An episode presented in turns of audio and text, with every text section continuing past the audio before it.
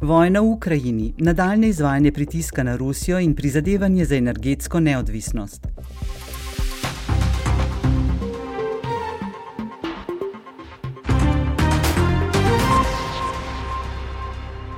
Poslanci Evropskega parlamenta so se 23. marca, mesec dni po ruskem napadu na Ukrajino, zbrali na plenarnem zasedanju v Bruslju in soglasno obsodili brutalno invazijo. Evropsko unijo so pozvali naj proti Rusiji uvede dodatne sankcije in zaščiti evropsko gospodarstvo.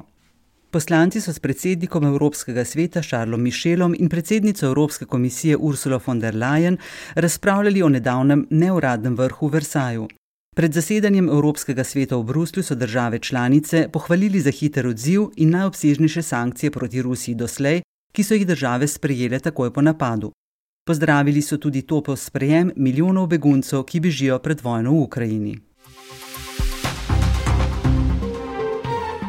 Predsednik Evropskega sveta Charles Michel je povdaril: Dear colleagues, Russia is responsible for this war.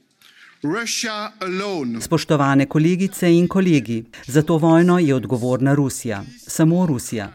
Tarča so ženske, otroci, civilno prebivalstvo.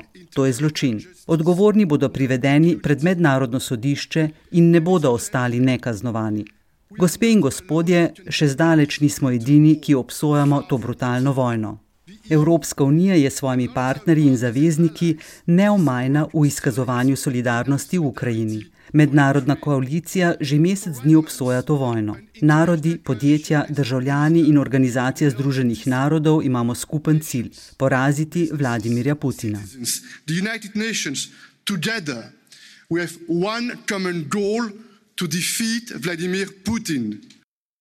Sklenil je z besedami, da je glavni cilj Evropske unije zagotavljanje miru in blaginje.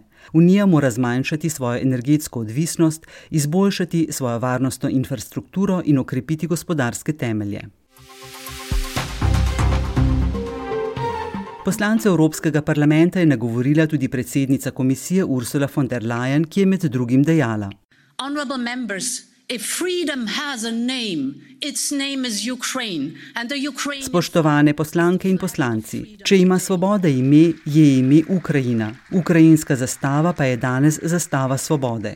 Vsa naša prizadevanja so usmerjena v to, da bo ta vojna za Vladimirja Putina pomenila strateški neuspeh. Države članice so se zato odločile, da bodo pogumnim ukrajinskim borcem namenile milijardo evrov varnostne pomoči. Podpora Ukrajini pa pomeni tudi odstranitev verov, ki jih Putin uporablja za financiranje svoje okrutne vojne. Predsednica von der Leyen je v nadaljevanju dejala, da je energetska politika hkrati tudi varnostna politika in da je Evropska unija že in bo še naprej sprejemala ukrepe za neodvisnost od uvoza ruskega plina in nafte.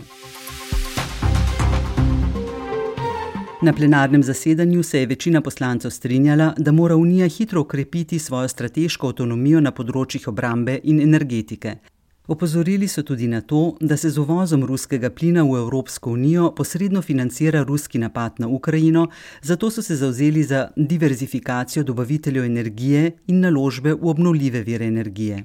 Med razpravo so bila izpostavljena številna druga vprašanja, kot je možnost, da se Ukrajina pridruži Evropski uniji in potreba po zauzemanju za demokracijo kot načinu zoprstavljanja drugim autokratskim režimom, kot je Kitajska. Več evropskih poslancev je tudi ustrajalo, da morajo biti za zaščito ukrajinskih beguncev odgovorne vse države članice, ne le sosednje države.